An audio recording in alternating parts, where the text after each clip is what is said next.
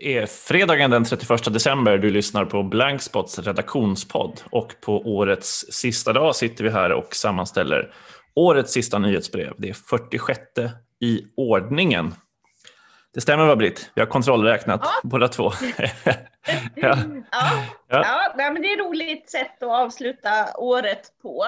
Ja. Eh, verkligen. Eh, ja. Och dessutom kul att se att eh, eh de eh, externa bidragen rullar in eh, med perspektiv runt om från världen.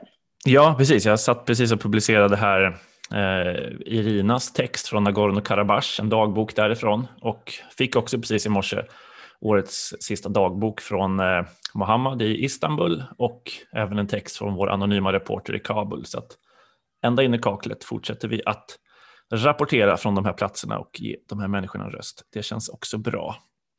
Ja. Eh, verkligen. Vi har, vi och knyter ju... ju lite an till eh, tematiken vi har tänkt för ja. det här samtalet. Ja, ja, vi var ju lite källchockt, vad säger man, efter förra poddens sammanställning av det mest lästa hos oss. Att det som toppar läsningen hos oss är eh, ja, framförallt dina texter om, om eh, digitala och demokratiperspektiv på pågående eh, ska man säga, trending topics on Twitter.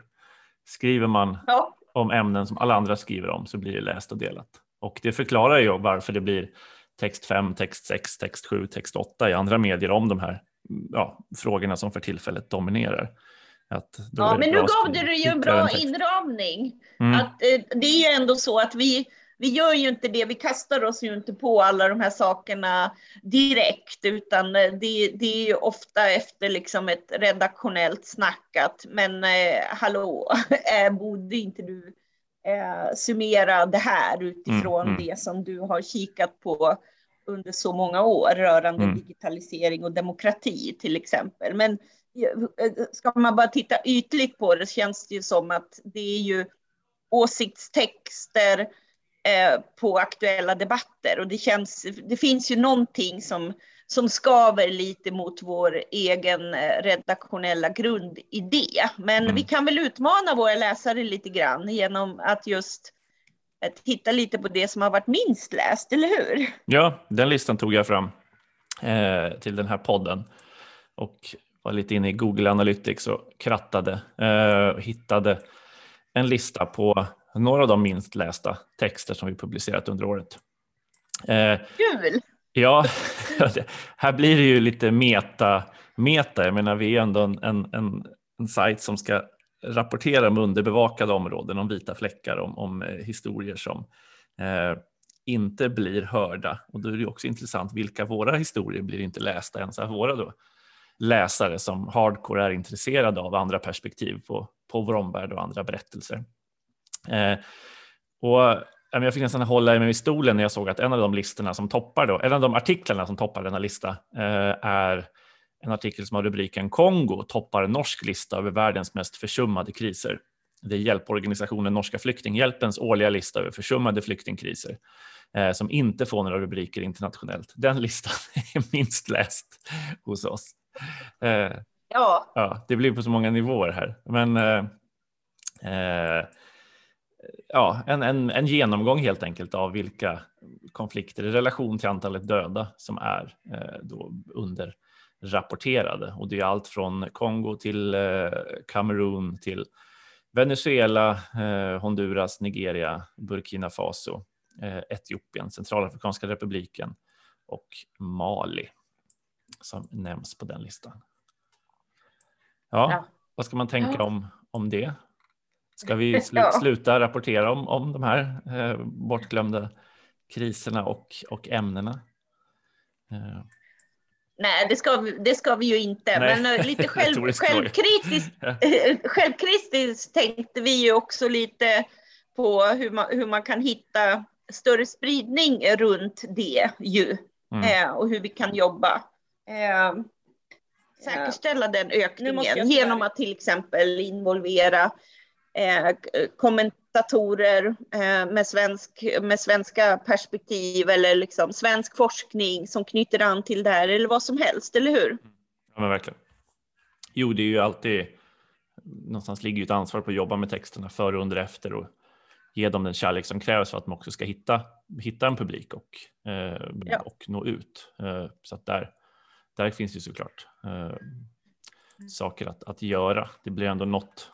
Det märker vi ju mycket talande. med dem, eh, att, att det finns ju liksom eh, den eh, typen av Facebookgrupper som vi jobbar med för vissa regioner är ju väldigt betydelsefullt för spridningen till mm, exempel mm, och så. Mm. Men ett faktum är ju ändå att den här texten om en region som har missats mycket inte heller fångar intresset hos alla de som prenumererar på vårt nyhetsbrev. För mm. där har ju den behandlats precis som alla andra texter. Liksom. Mm, mm. Ja, men verkligen. Eh, en eh, annan text på listan, jag hoppar lite här i den, eh, men det är Öst, Österrikes hälsominister avgår efter kollaps. 15 månader har känts som det vore 15 år. Det är Rudolf ja. Anschuberg som meddelade sin avgång på en personlig pressträff där han tvingades dra i nödbromsen för sin egen, egen hälsas skull. Ja. Det, det ville man inte, var man inte så nyfiken på. Det, det kräver ju lite, eh, men jag tror att vår, vår, vår tanke med att publicera den tror jag ger en signal om något som vi var lite verkligen tidiga på att trycka lite på. Och det handlade ju mycket om att när man har den här eh, blicken över alla coronastrategier och så, så eh, perspektivet utav också eh, ja, men utbrändhet och psykiska um, utmattningsproblem för alla, inte bara de som jobbar i vården, utan även, det gav ju en, en unik inblick i hur det har varit att leda ett land igenom sånt här. Han var ju väldigt mm. personlig med hur naturligt det hade varit, men man fick ju också en inblick i hur otroligt belastade, och det gav ju en tanke om att så har det ju sett ut i, i hela världen. Mm, mm. Eh, alltså att hantera en pandemi. Och det är ju nu börjar vi ju verkligen se, det är ju inte bara att man ser en ganska stor exit från, från vården. Eh, vi ser ju också fler som söker till vården, eh, men ännu så är det väl inte i samma takt som man kan utbilda människor. Men det är ju ett problem att så många, det kommer ju vara utmanande för alla som har jobbat i frontlinjen, vare sig det är inom vården eller inom politiken eller så, det kommer ju komma utmattningssyndrom. Mm, mm. Eh, och, och, och, så att eh, texten i sig är väldigt samtidsintressant. men sen i stort kan man ju säga att Österrike har ju under året, det blev väl här nu precis i början på december, så Eh, Eh, fick ju landet sin, sin tredje förbundskansler, inte bara att Sebastian Kurz eh, avgick eh, eh, efter korruptionsskandaler eh, någon månad tidigare, utan eh, året slutade på det här sättet. Och det är ju mycket kopplat till eh, en, en ganska frustrerad eh, och befolkning och ett allt större missnöje. Eh, mm. Väldigt turbulent år för Österrike överhuvudtaget. Det känns och, som, det, som det har skrivits mycket om, alltså inte bara om, om, politiken utan också i relation till just pandemin. Du var ju tidigt på att plocka upp skillnaden mellan Österrike och Sverige, men man ser ju dagarna att många delar det här ja, testningskapaciteten, hur den är utbyggd ja. i Wien och hur varje familj kan plocka ut liksom, ja, fyra testkit per person och ta hem och lämna in på bensinmackar och matstationer och få svar inom ett dygn. Och det finns liksom ingen, ingen brist på, eh, på testmaterial som, som i Sverige. Eh, att, Nej, och den tror jag faktiskt, eh, alltså den spelar en större roll än vad man har pratat om i kom, som komponent till en, en, en, att vaccinationstäckningen ser annorlunda ut helt enkelt. För att det, mm. det har ju jag sagt hela tiden, det, det, är inte så att man frågar om man har vaccinerat sig. Den viktiga frågan är om man har testat sig mm. när man mm. träffas. Mm. Eh, och det har ju känts väldigt logiskt i en process då alla inte har varit vaccinerade ens. Men det har mm. verkligen varit testfrågan och testkapaciteten har mm. Eh, sett så väldigt annorlunda ut. Och det är intressant att jämföra länderna för att man befolkningsmässigt, välfärdsmässigt ligger ganska lika liksom, mm. i synen på, och vård och eh, så. Men sen är det ju klart att Österrike ligger mitt i en region, det är en stor rörlighet och alla de länder runt omkring som har en otroligt dålig vaccinationstäckning ehm, är ju arbetskraft som rör sig fram och tillbaka i den här regionen, så det påverkar säkert också. Eh, mm, så mm. det, ehm, ja, det är intressant att följa eh, mm. och är ju relevant till, till eh, den nya varianten av viruset helt enkelt och mm. behoven mm. av, av, test. Och så. Det är ja. först nu som man känner att eh, svenskar i, i gemen, eh, mycket under jul, eh, väldigt, eh, alla dessa bilder på antigentester i, i sociala medieflöden. Det har man mm. ju inte sett förr på det sättet. Nej, Nej verkligen. Och, Nej, vi ska helt klart fortsätta skriva om, om Österrike från olika, olika perspektiv och utnyttja dina djupa kunskaper om landet och språk, språkkunnande och, och allting annat. Det är ju ja, som du säger. Det finns ju mycket intressant, bostadspolitiken till mm, exempel, mm, som vi kanske kan återkomma till och sådana mm. saker. Eh, mm. Och den fortsatta politiska turbulensen. Mm. Det är ju ändå när, när man gick in i pandemin så var man ju väldigt svag och väldigt unik koalition liksom mellan Miljöpartiet och mm. Sebastian Kurz. Eh, eh, eh, folkparti, liksom, mm. ÖVP. Och, de fick ju ganska raskt pandemin att hantera. Mm. Så blev det mindre konflikter kring miljö och migrationsfrågor. Men nu börjar man ju få se mer vad som skedde bakom kulisserna och så. Det är väldigt mm. intressant att mm. följa. Mm. Um, en annan text på listan är, har rubriken Varför är det så tyst om Julian Assange? Eh, den skrevs, en av årets första texter under 2021 skrevs den 4 januari eh, då domen föll. Och eh, han riskerar då ett 175-årigt fängelsestraff i USA om han utvisas till USA och fälls för spioneri. Eh, men det är ju tyst, var tyst i början av året och är ju fortsatt tyst även om eh, FNs, eh, ja, vad säger man, sändebud talesperson för särskilda rapportör för tortyrfrågor, eh, efter Nils Melzer. Ehm, eh, han skrev en bok om, om fallet Assange och var också i Sverige eh, nyligen, intervjuades i en del medier. Jag har också en opublicerad intervju med honom som kommer i början av året. Eh, där han försöker också resonera kring varför det är så tyst kring, kring Julian Assange och vad finns det för punkter här som, som har ett stort allmänintresse. Eh, Ja, här blir också meta. Varför är det så tyst om ja. Julian Assange blev när de minst lästa texten? att, eh, eh, ja, nej, det är ingen klickraket att, att skriva om Julian Assange på, på något sätt.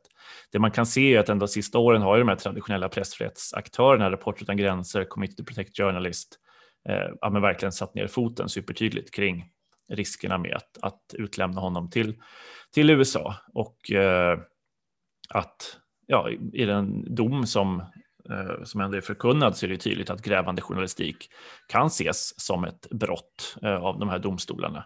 Eh, och det var ju så att säga, den domen i januari hade ju två sidor. Å ena sidan så var ju folk så att säga, lättare att han inte lämnades ut, men det var ju på grund av hälsoskäl. Men det var ju oroande att man såg grävande journalistik som ett, ett brott helt enkelt. Och det rör ju de här bland annat filmen Collateral Damage som Julian Assange stod till att publicera eh, från det läckta materialet. Eh, filmer som ju visar ett mord kan man ju säga på, på eh, irakiska journalister och ja, en mängd andra avslöjanden. Eh, och det var ju det försvaret lyfte fram, att läckor är så oerhört viktiga för att journalister ska kunna berätta om krigsbrott, om drönarattacker, om frihetsberövanden på Guantánamo. Eh, och eh, ja, det är en, det är en fråga som rör liksom fundamenten för att, för att ägna sig åt journalistik och granska stater och USA och dess, dess krig. Eh, CPG skriver också då, som jag citerar i den texten, att man varnar för konsekvenserna av den här domen. Att alla journalister var som helst i världen som publicerar material som USA anser inte borde publiceras kan då riskera att utlämnas till USA, är CPGs tolkning. Och det är ju en, en livsfarlig värld att, att verka som, som journalist i. Alltså att riskera utlämnas till ett land man inte är medborgare i eller har begått något brott i, förutom då att publicera krigsförbrytelser av det landet. Eh, det, finns, det finns mycket här som gör att det här borde bli mer läst och mer delat. Men det här vilar ju också ett ansvar på jag tänker oss som journalister och medier att någonstans förtydliga de här frågorna, vad det, vad, vad det i grunden handlar om att ha två tankar i huvudet samtidigt. Eh, bortom, Men vad är senast, ja. senaste nytt är nu att man verkligen tror att han kommer lämnas ut? Ja, alltså, ingenting är väl, eh, är väl säkert, eh, så att säga. Eh, men, eh, Allt, det har dragits ja. ut på grund av coronapandemin eller? Nej, det har dragits ut på grund av eh, att man har velat dra ut på det. Det är väl vad mm. liksom, Nils Melzer menade. Eh, mm. Men, men, man har ju godkänt att USA ska få Wikileaks-rundan utlämnad och saken ska prövas, prövas igen. Alltså, domstolen tog ju beslutet att han inte skulle lämnas ut och USA överklagade det och nu ska det då prövas igen om han ska ska lämnas ut i en högre rätts, rättsinstans. Eh, och utlämnas han så ställs han inför rätta för spionage för de här militära dokumenten som, som han publicerade via, via Wikileaks.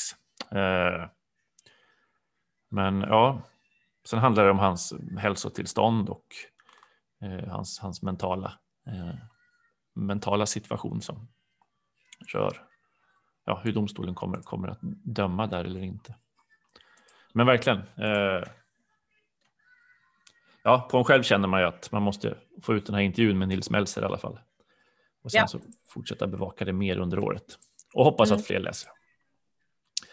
Ja, eh, vi har också en av de minst lästa texterna Uh, vi kör lite varannan här så att ingen bär hundhuvudet ja. helt och hållet. Bara pumpat ut saker. Så. Uh, men du skrev en text, Nigerias regering stänger ner Twitter, hotar, Twitter, Twitter, hotar med fängelse för de som använder appen. Uh, ja. ja. Nigeria hade raderat en tweet från presidenten. Twitter hade raderat en tweet, från, en tweet från presidenten. Och då ja, kom regeringens motåtgärd, Twitter bannlyses. Ja, tankar ja. om den? Ja. Nej, men äh, det, det är ju verkligen äh, liksom också lite typiskt för 2021 där man har sett det här hända i, i väldigt många sammanhang. Mm. Jag såg att Freedom House publicerade en rapport där man skrev att internetåtkomsten har stängts av i minst 20 länder och att 21 stater har blockerat åtkomst till sociala medieplattformar. Eh, och det har vi ju pratat om tidigare också i relation till eh, vikten av fri tillgång till information och korrekt information och eh, i samband med coronapandemin, det allvarliga när man i eh, eh Indien stängde av internettillgången i Kashmirregionen som gör att man har noll chans att ha ha koll på vare sig smittspridning eller tillgång till sjukhus eller eh, senare vaccination och så. Mm. Så att eh, det, det, där är ju en trend som eh, finns och, och att vi också har sett eh, att i relation till att man inte är nöjd med de modereringsbeslut och innehålls raderingar som sker på plattformar som Twitter till exempel, att man också bygger liknande program. I, i, i Indien har ju byggt sitt, sitt, eget Twitter så att säga som en, en lösning på den här problematiken som mm. man upplever då. Och jag tänker att eh, det intressanta med det här är dels det att fortsätta bevaka den fria tillgången till, till nätet och vikten av det och, och hela eh, Självklart ska vi fortsätta bevaka Eh, nätbolagen och, och myndigheter, liksom, hela den nätfrihetsdiskussionen. Men, men också perspektivet av att, det har jag ju skrivit en text om under året också, som ändå också så här på årets sista dag är värd att lyfta fram, som handlar om hur modereringen är en sån viktig Eh, faktor eh, för också eh, nätets fortsatta utveckling. Att vi som användare har rätt att få en väldigt tydlig insyn i när jag väljer att skaffa ett konto på en plattform som, som då är ägt av privata företag, att ändå i det ha rätt till att få en fullständig insyn i vad är det för användarvillkor och hur fungerar deras modereringsregler och hur rättvisa är de? Har jag samma förutsättningar att göra min röst hörd som till exempel en politiker eller så. Att på en miniminivå så har vi verkligen, vi har ett ansvar men vi har också en rätt att få en väldig insyn och förståelse för det och också ha en möjlighet att överklaga beslut. Och det här är väl frågor som är jätteviktiga att fortsätta bevaka och, och, och eh, tydliggöra eh, i, i den kommande nätutvecklingen, eh, tänker jag. Och även mycket övervaknings eh, integritetsfrågor kommer ju vara superheta eh, nästa år och så. Men eh, så tänker jag och hoppas att samma sak där. Man får eh, vara bättre på att eh, sätta en sån enskild händelse i ett perspektiv av hur det även kan påverka oss och hur det hör hemma i liksom synen på människors tillgång till, till internet och eh, hur företagen som bygger nya plattformar agerar gentemot sina användare. Vad tror du om den här, eh, jag tänker nät, techbolagen får ju bära hundhuvudet för allt. Eh, de orsakade då folkmordet i, i Myanmar och man ser många skriver texter att Facebook ligger bakom våldet i, i Etiopien och eh, fredspriset gav till Maria Ressa som ju på ett sätt var ett pris för hennes journalistik men också någonstans lika mycket att Nobelkommittén ville, ville uppmuntra den här kritiken mot, mot Facebook och techbolagen. Kommer, den, mm. kommer vi få se mer av det 2022? Vad, vad, vad tänker du om den, den diskussionen? Eller är det de ja. har gjort tillräckligt för att stävja den debatten? Ja, och, och jag, alltså jag upplever ju ändå, jag känner mig verkligen att jag står lite i båda läger i den här diskussionen alltid. Jag kan mm. tycka att det är fullständigt onyanserat och ofta väldigt okunnigt beskrivet och jag tycker det är synd när det är fantastisk journalistik som har gjorts i grunden, som till exempel Wall Street Journals stora eh, granskning som nu då har gjorts mycket tillsammans med visselblåsaren Francis Haugen. Vi har ju skrivit ganska mycket om det. Mm. Men att, eh, att det liksom inte räcker med det som finns utan att man då springer hals över huvud med ganska absurda påståenden om att Instagram är lika med eh, psykisk ohälsa för unga flickor. Och då är det baserat på ett ganska internt dokument och en enkät som riktar sig till människor som har uttryckt att de de senaste 30 dagarna har funderat på de här frågorna. Och jag tror att av 11 av 12, eller om det var 9 av 10 parametrar, så lyfter man fram att Instagram faktiskt har hjälpt dem. Mm. Men på en aspekt så svarar man jakande att det har förstärkt mm. en, jag tror att det var en negativ syn på den egna kroppen och så. Och, och att då liksom springa med den bollen och förstora den och så oerhört till att de här plattformarna är lika med eh, ja, men otroligt allvarliga konsekvenser. Det är ju att göra um, användarna, samtiden, oss en väldigt, väldigt otjänst.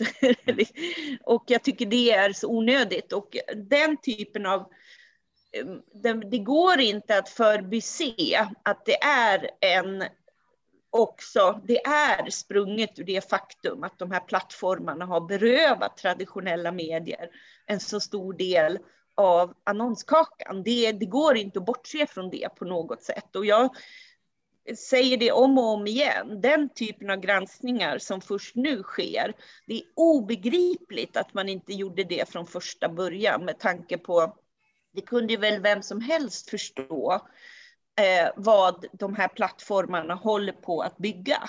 Mm, mm. Ur liksom, ja, men maktposition, användar, eh, ge, liksom, eh, det stora användarantalet över hela världen och så vidare. Och mm. inte det, det, är fortfarande anmärkningsvärt. Eh, och, det, och, då känns det som att det är mycket, mycket drivet att det görs nu för att det så totalt har förändrat mediemarknaden. Mm. Eh, eh, men, eh, och att jag tycker att det sker ju mycket Eh, eh, förbättringar hela tiden. Eh, och att hela 2021 har varit intressant att följa. Vi började ju ändå året med det som hände på Kapitolium i USA och där det inte går att bortse ifrån vad sociala medier betydde för organisering och också hur mm, Trump då mycket utnyttjade det faktum hur, hur det här Ehm, ehm, får folk att sprida information och eh, bli en del av det här narrativet och eh, bli så pass uppeldade att man väljer att agera. Ehm, och, och att vi då har kunnat följa det bakom kulisserna genom att Facebook själva ville att deras hanterande skulle granskas av deras egna interna Eh. man följer, alltså frågar man kan som Etiopien och annat och så ser man de här texterna om att eh, Facebook är ansvariga för folkmord i Etiopien nu. Det, det blir ju så grunt och så.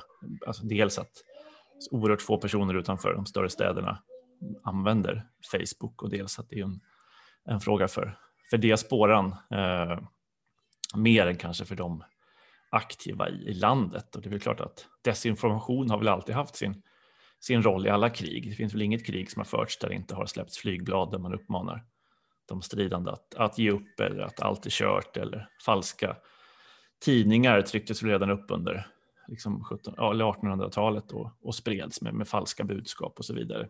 Det där har väl alltid funnits, det är ju ingenting nytt med som, som Facebook är ansvarig för, att, att stridande parter i krig använder sig av propaganda. Eh, Eh, sen är det ju, alltså det är ju, det är ju svårare så fort man inte har tillgång till andra nyhetskällor och om det sprids då att man får en känsla av att här kommer nu hundra vapenförsedda eh, från någon eh, terrorrörelse på väg mot vår lilla by. Det kan ju orsaka total panik och mm, kaos mm, på alla sätt och vis. Eh, det går ju inte att bortse ifrån förstås. Men, men i, i vårt Eh, scenario där man ändå har ett, ett tillgång till eh, så många medier. Eh, man har också tillgång till vänner och ett nätverk bortom den eventuella konflikt man själv skulle befinna sig i i en region i, i, i Sverige mm, också. Mm, mm. Liksom.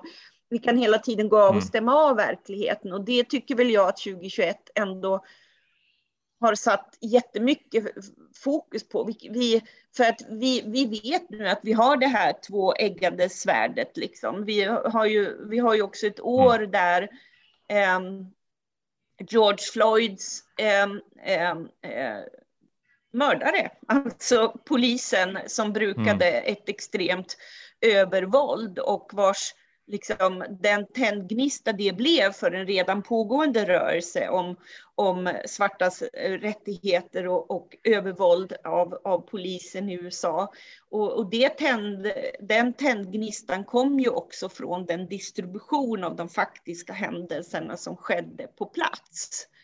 Eh, och, och, är ju ett mm, mm. exempel på. Hon, Darnella Fraser har vi ju skrivit om som ju skrev ett otroligt eh, berörande inlägg. Jag vet att hon som läste in texten, jag, jag, tror att det hörs att hon nästan inte kan läsa färdigt texten när Darnella ref, reflekterar mm, mm. över det, hon, det vad året har inneburit för henne sedan hon stod och var den ju som filmade den film som vi alla har sett allra mest från eh, George Floyds eh, sista eh, minuter i livet medan hennes nioåriga eh, kusin, tror jag det var, var inne och handlade i den där snabbköpsbutiken och, och sen såg vi en rörelse i, ja men jag tror att det är ju ja, men säkert över 150 länder i världen där det blev reaktioner mot mm, detta. Mm.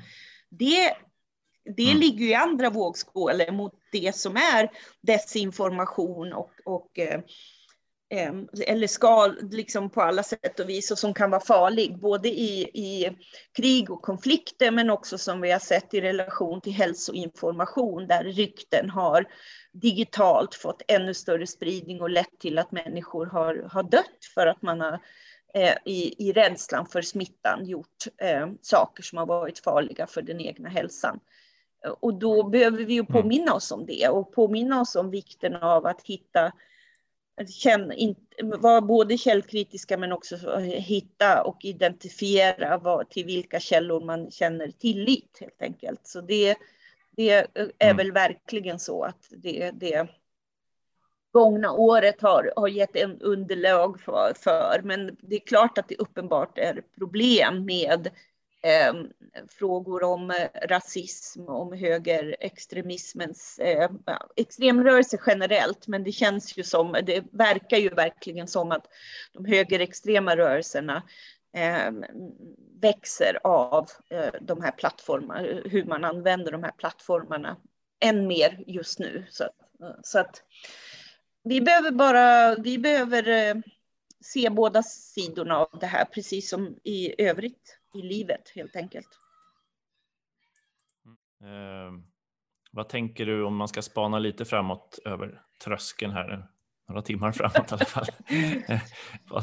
Nej, jag känner nog alltså inom eh, mitt... Är det mer av samma eller kommer valåret att totalt skaka om eh, spelplanen?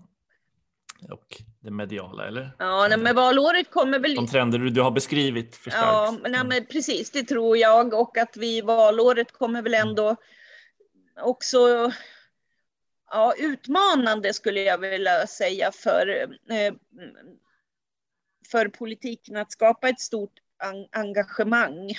För det kommer ju bli väldigt mycket mm. upprepning av det som har hänt de, de senaste åren. Och eh, att man ser att det, mm. det, kommer handla mycket om de hårdare tagen. Det kommer handla självklart också vården, men än mer är det väl liksom eh, det ökade våldet i samhället som kommer eh, styra mm. eh, eller ta en väldigt stor plats. Eh, mm. Ja, vad tänker du själv? Alltså tittar man på några av de konflikter vi följer. Jag tänker på mm, Etiopien nu så hoppas jag att det finns en förutsättning för fred. Det, annars går kriget in på dess tredje år. Ja, typiskt för eh, året är väl att du har ju skrivit.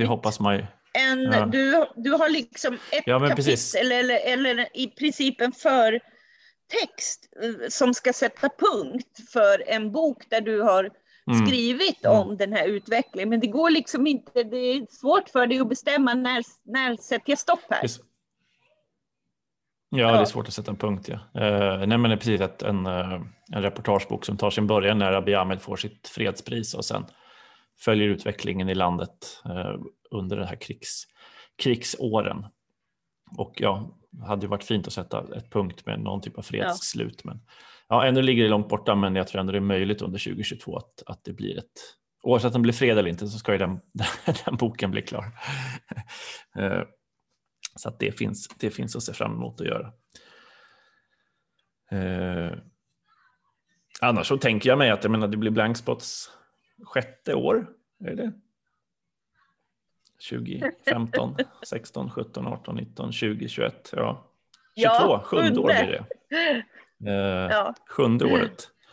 Eh, och det är ändå humlan som inte borde kunna flyga men så flyger vidare i nyhetsbrev efter nyhetsbrev vecka efter vecka. Men eh, apropå det så har det väl ändå varit intressant att följa hela USA utträde ur Afghanistan och det otroliga intresset för en region som, som vi har bevakat så, mm. så länge. Och det vore väl en det vore ju fantastiskt om eh, till exempel Göran Engström skulle kunna eh, följa upp detta mm. under året. Eh, eller hur? Jo, jag ska ha möte med honom på onsdag och försöka skissa på, på lite planer för det.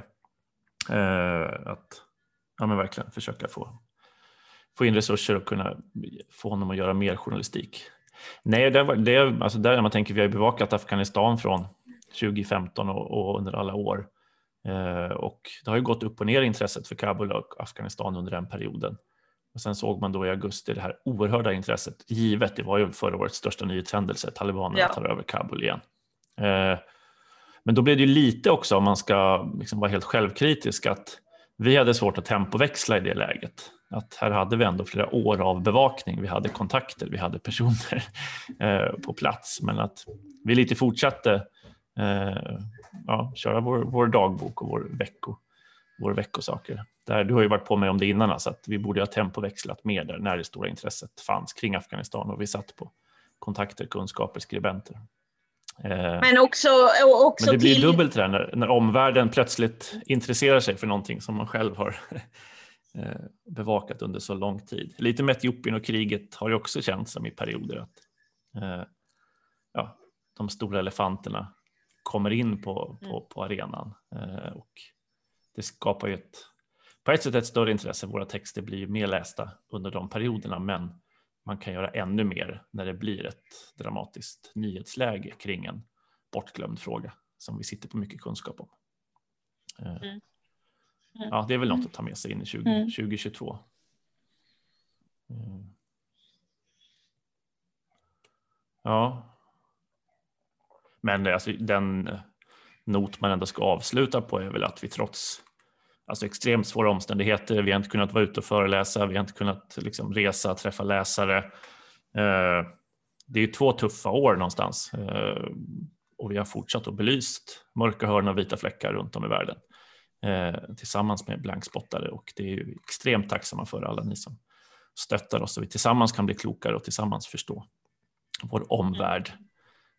Och hoppas när vi ser tillbaks på 2022s mest lästa och minst lästa texter så kommer det ändå vara eh, att vissa texter också måste skrivas även om man vet att eh, de inte blir de ja, mest och sen, Man ska ju inte eh, underskatta möjligheten i att när man känsla. sen skriver en kioskvältare på till exempel den digitala utvecklingen i, eh, på den afrikanska kontinenten eller vad som helst så finns det ju ett värde mm. i att det finns ett kapital av relaterade texter som är värdefulla mm, mm. i, den, i den utvecklingen. Ja, liksom. Och då, det, det, liksom, och där ja, mm. betyder ju taggningen av artiklar mycket för att bygga upp ett litet e ekosystem inom vissa mm, eh, mm. reportageområden eller artikelbevakningar. Så att det, det, har ju ett, ett värde långsiktigt också.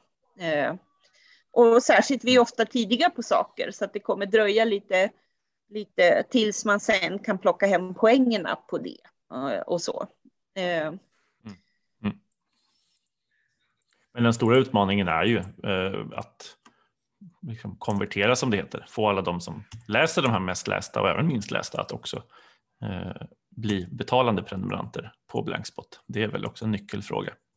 2022 för oss, som, som alla år egentligen. Ja. Eh, ja att ja, jobba det, vidare med det. Det finns ju ja. en massa tankar och planer där som tyvärr inte har kunnat realiseras under det här året av olika anledningar. Men vi gick ju en väldigt inspirerande utbildning eh, som Financial Times höll i som var eh, väldigt, väldigt bra. Mm. Eh, så det är ju bara att mm. plocka upp det inför året som kommer när vi har de här mm, större mm.